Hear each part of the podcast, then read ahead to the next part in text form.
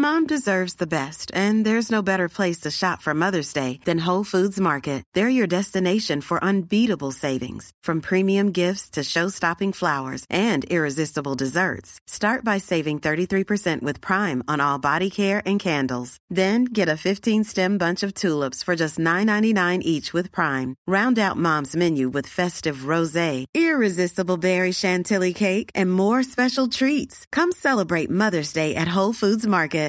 Ready to pop the question? The jewelers at BlueNile.com have got sparkle down to a science with beautiful lab grown diamonds worthy of your most brilliant moments. Their lab grown diamonds are independently graded and guaranteed identical to natural diamonds, and they're ready to ship to your door. Go to BlueNile.com and use promo code LISTEN to get $50 off your purchase of $500 or more. That's code LISTEN at BlueNile.com for $50 off. BlueNile.com code LISTEN.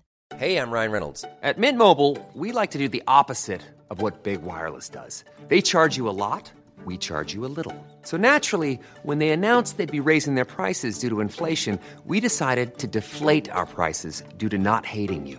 That's right. We're cutting the price of Mint Unlimited from $30 a month to just $15 a month. Give it a try at mintmobile.com slash switch. $45 upfront for three months plus taxes and fees. Promo rate for new customers for limited time. Unlimited more than 40 gigabytes per month. Slows. Full terms at mintmobile.com. Grace O'Malley. I 300 000 år har människan lallat omkring. Och det här är vad de ställt till med.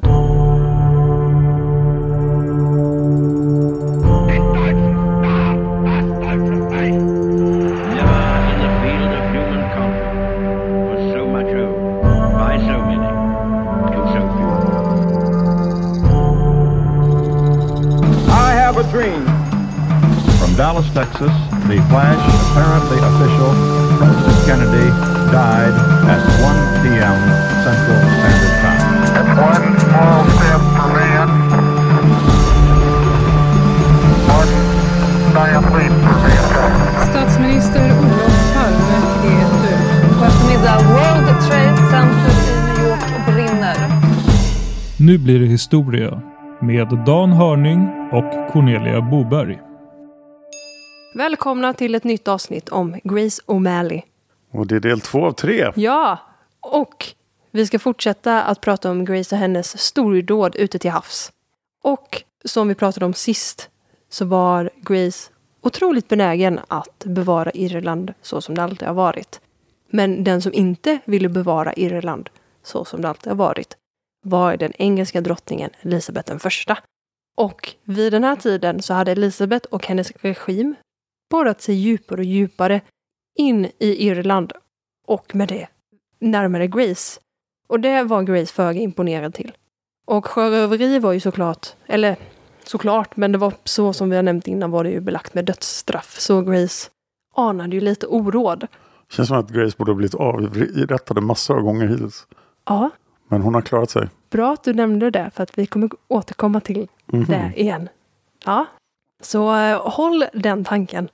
Men nu kände ju Grace ändå att det var dags att skaffa sig en ny allierad. Ja, det kan hon behöva. Mm, det är ju alltid bra. Och hennes blickar vände sig åt Richard Bork. En irländsk adelsman och klanhövding. Som vi inte vet hur gammal han är. Nej. Nej, han är född någon gång, det står inte när han är född. Jag vet att han är född helt enkelt. Ja, för, det, för att det står när han dör. Ja. Men Richard Bork hade klirr i kassan och täta kontakter. Och till råga på allt så kom han med ett balt slott. Och vem vill inte ha ett balt slott i sin ägo? Hur ballt är slottet? Väldigt balt. Oj. Den hade en otroligt strategisk viktig position vid en bukt. Säkert bra sätt att ta ut ännu mer pengar och folk. Mm, och hålla span.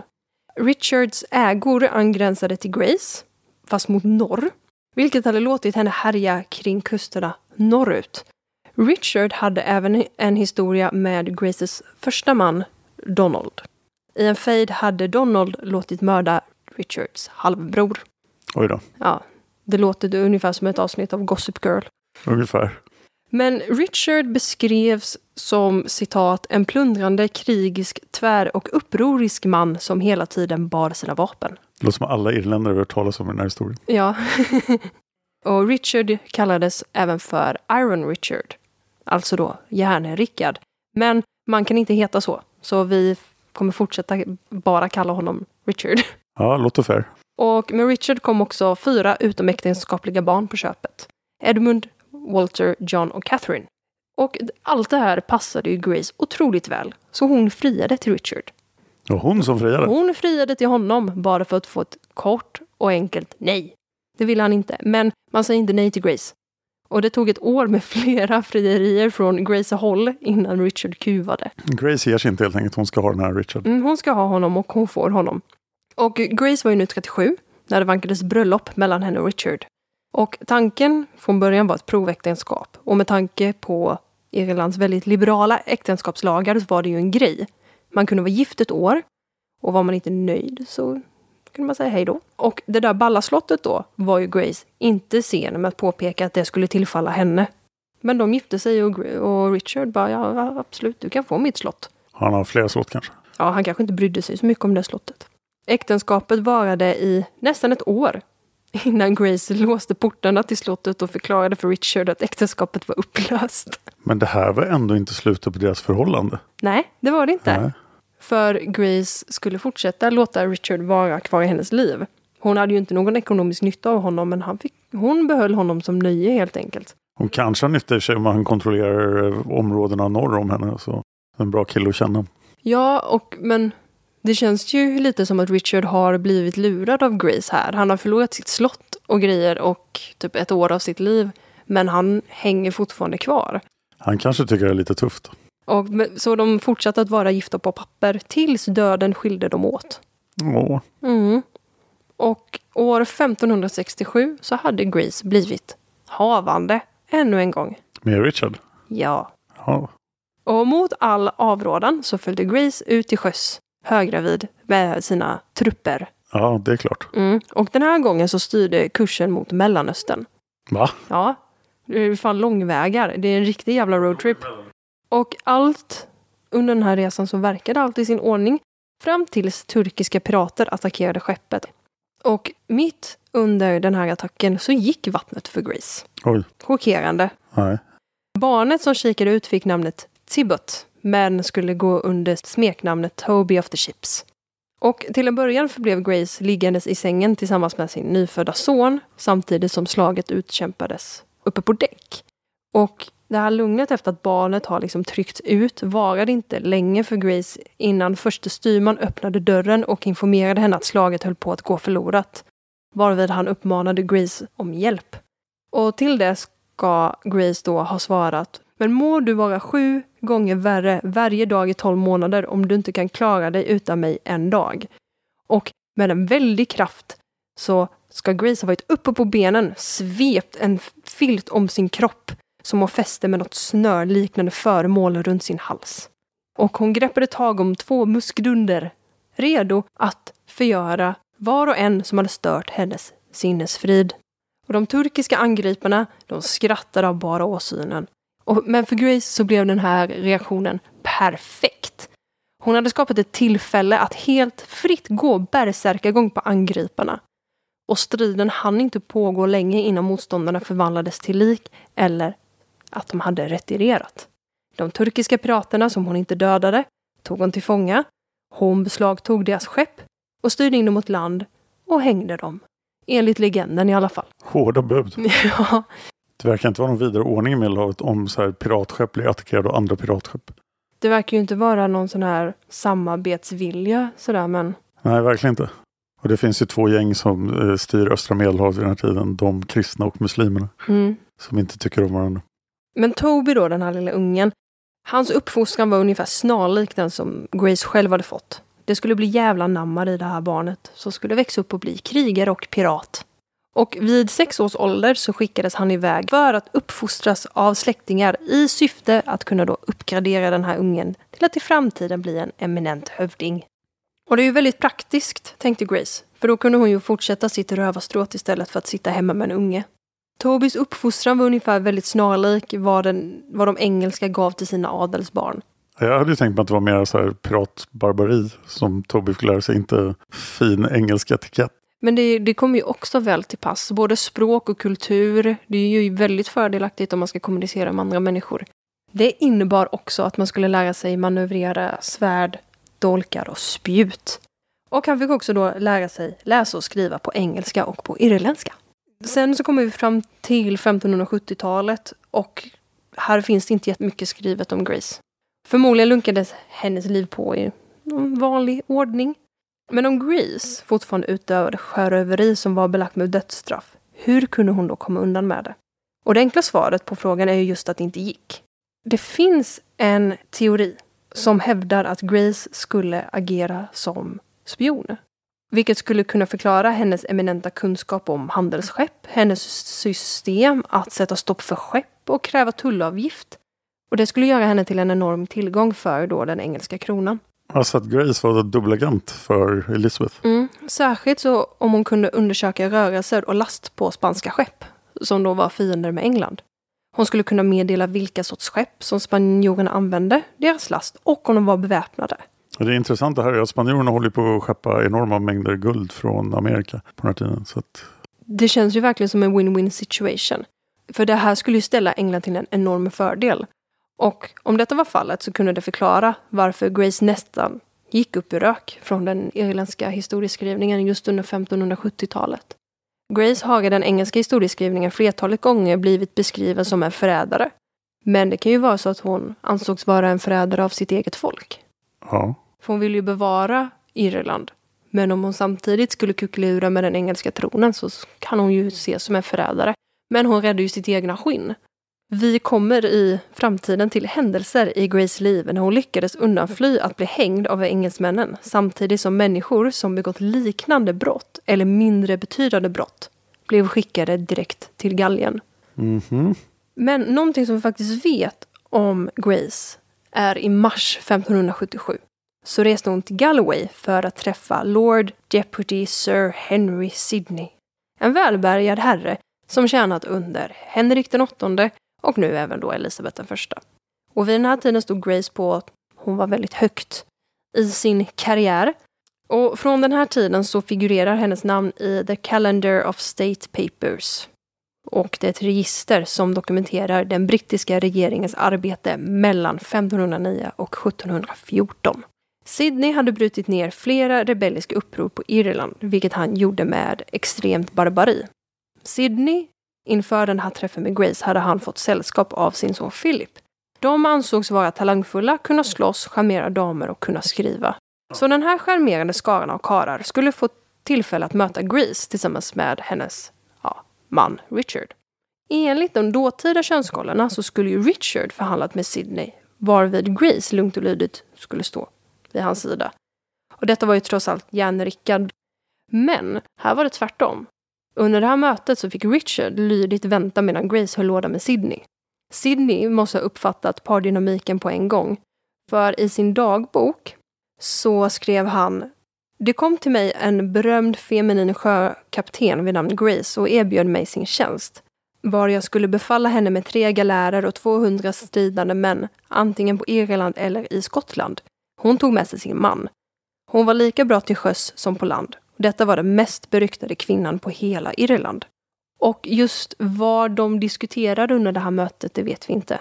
Men det vi kan anta var att de konverserade på latin. Och det finns inte heller en förklaring till varför Grace skulle välja att underkasta sig Sydney på det här sättet. Gjorde hon det? Ja. Hon agerade oftast inte på ren impuls och måste ju ha haft en bra anledning till det här. Det låter ju som att hon jobbar för engelsmännen hela tiden. Mm, det låter ju väldigt sus. Mm. En teori kan ha varit att säkra Richards position genom att officiellt erkänna engelskt styre genom att erbjuda henne styrkor till flottan samtidigt som hon visade hur stark hon själv var. Mm. Vilket för oss till att presentera den nästkommande karaktären i vår historia, Earl of Desmond. Hans land var utmätt till södra delen av Irland. Desmond hade stökat runt med Earlen av Ormond och Elisabeth, den första, hade blivit vansinnig över männens beteende och sammankallat dem till London. Varvid de hade förhandlat om fred. Sydney, som hade det här mötet med Grace, tog Desmonds sida i hela den här uppståndelsen och lyckades få Elisabeth att skicka tillbaka Desmond till Irland. Desmond skulle fortsätta vara stökig och, och flera försök gjordes att försöka få honom lugn. Han har blivit tilldelad eh, land i Irland och sen stack han runt där. Ja, Hans beteende hade lyckats få honom att bli fängslad flera gånger. Men han har lyckats fly. Han var en instabil karaktär. Och med tanke på Grace överenskommelse med Sydney så trodde Grace att hennes förhållande med engelsmännen var någorlunda stabilt och att hon kunde fortsätta på samma vis som tidigare. Men det var en felbedömning för Grace. Några veckor efter mötet med Sydney så seglade Grace söderut mot området där Desmond härjade för nya plundringståg. Hon trodde säkerligen om Englands ambivalenta syn på Desmond och tänkte att hon kunde komma undan med det. Så hon skulle angripa Desmond? Mm, men hon blev påkommen av Desmonds eh, kompanjoner och blev direkt förd till honom.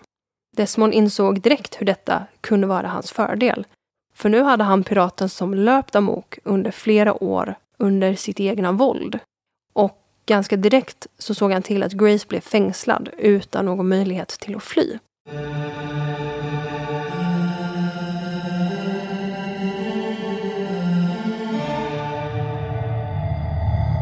Och det ser ju väldigt mörkt ut för Grace. Tidigare har hon ju aldrig behövt lida för konsekvenserna för sitt agerande. Så att slaget måste ha blivit ganska hårt. Hon har ju egentligen i princip kunnat göra vad hon har velat i flera, flera år. Ja, i typ så här flera decennier. Mm. Och det finns inte heller någonting som talar för att Graces man Richard skulle göra något anmärkningsvärt för att försöka hjälpa henne. Och i mars 1578 så hade Grace varit inlåst i flera månader. Oj då. Mm. Och då fick Desmond besök från en man från den engelska kronan vid namn William. Och imponerad av Desmonds fynd skrev William ett brev till Sydney och berättade om deras nya fånge. Och om Sydney svarade eller inte, eller vad han i så fall skulle ha svarat, det vet vi inte, för det finns inget dokument. Men han William skrev också till drottning Elisabeths sekreterare att de hade fångat Grace. Och att med det här så var Desmond beredd på att visa sin, sin lojalitet mot kronan. Han fick tillbaka ett brev där det stod citat. Vi ber er också att understryka för Desmond, också från drottningen, att vi förstår hans god och plikttrogna agerande när han gör en sån här demonstration av sin lojalitet. Som du skriver om, inte bara i ord utan också genom att sända oss Grace O'Malley och andra beryktade förövare av hans land till oss. Mhm. Då fick ju de här för sig att de skulle frakta Grace till ett annat fängelse i Dublin. Kanske för att det skulle vara säkrare. Och vid det här laget så hade Grace suttit fängslad i 18 månader ungefär.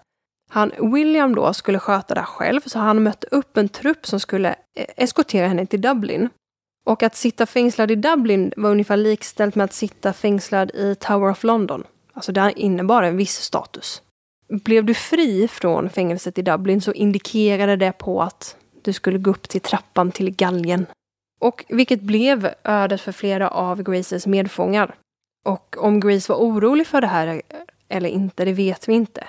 Men någonting vi inte heller vet är varför hon blev frisläppt. Hon skulle flyttas till ett fängelse i Dublin.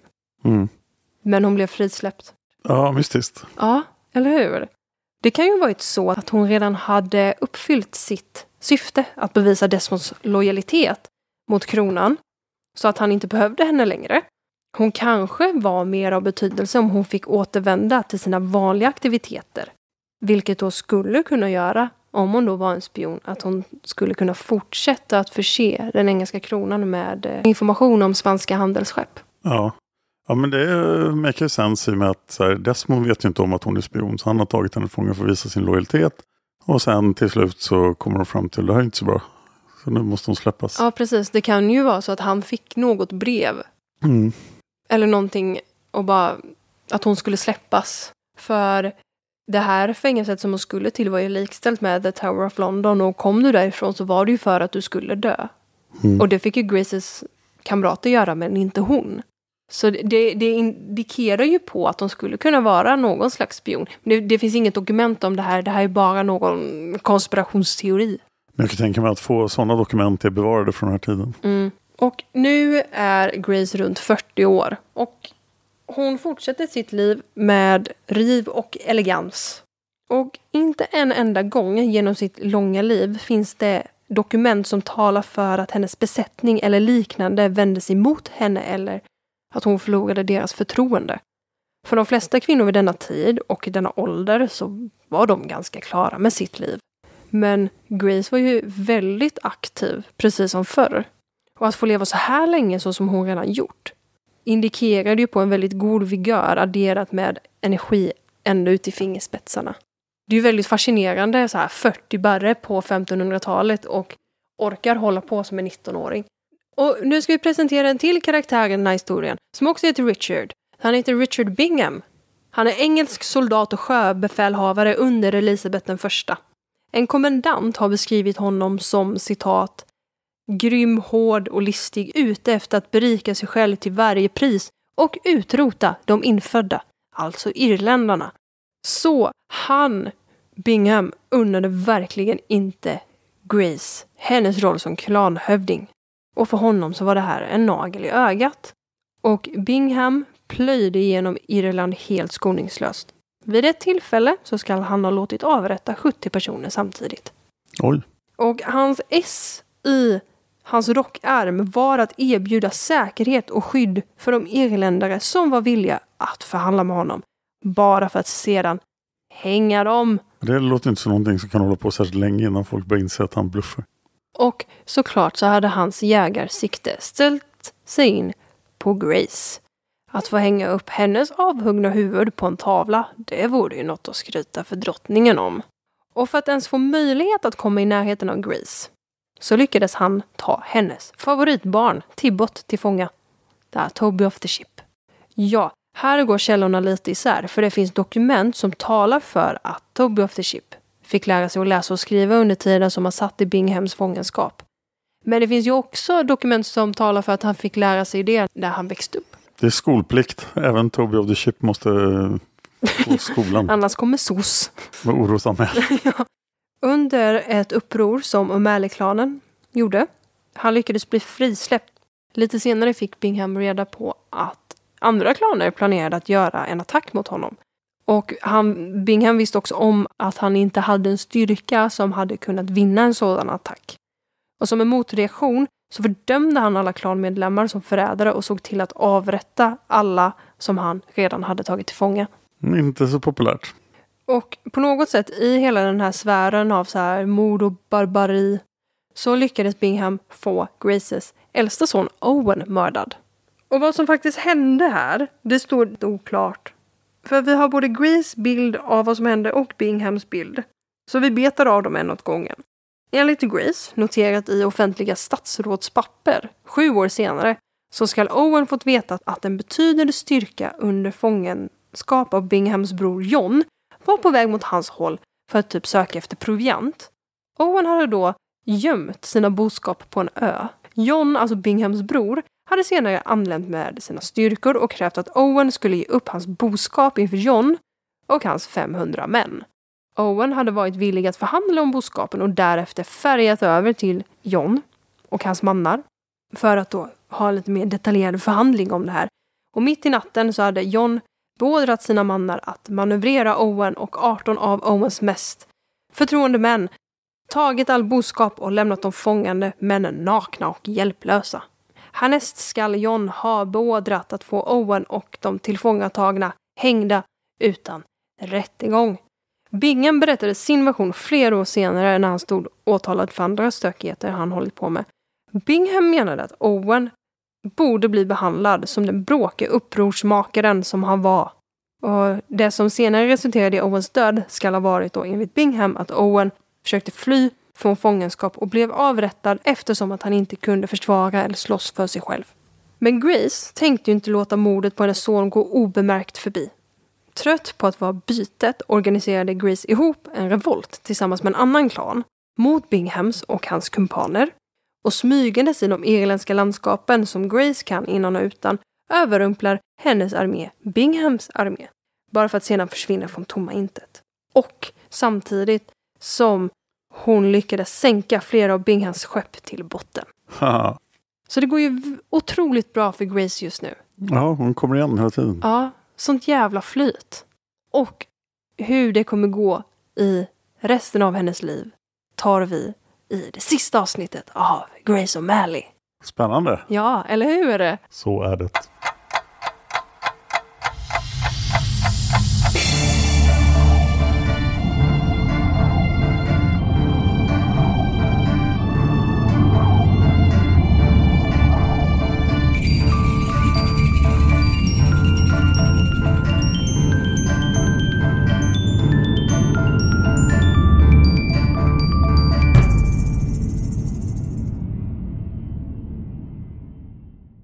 Nu har vi lallat runt i typ 50 sekunder.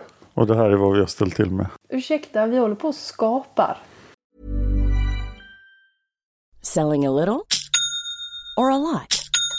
Shopify helps you do your thing however you cha-ching. Shopify is the global commerce platform that helps you sell at every stage of your business. From the launch your online shop stage to the first real life store stage, all the way to the did we just hit a million orders stage.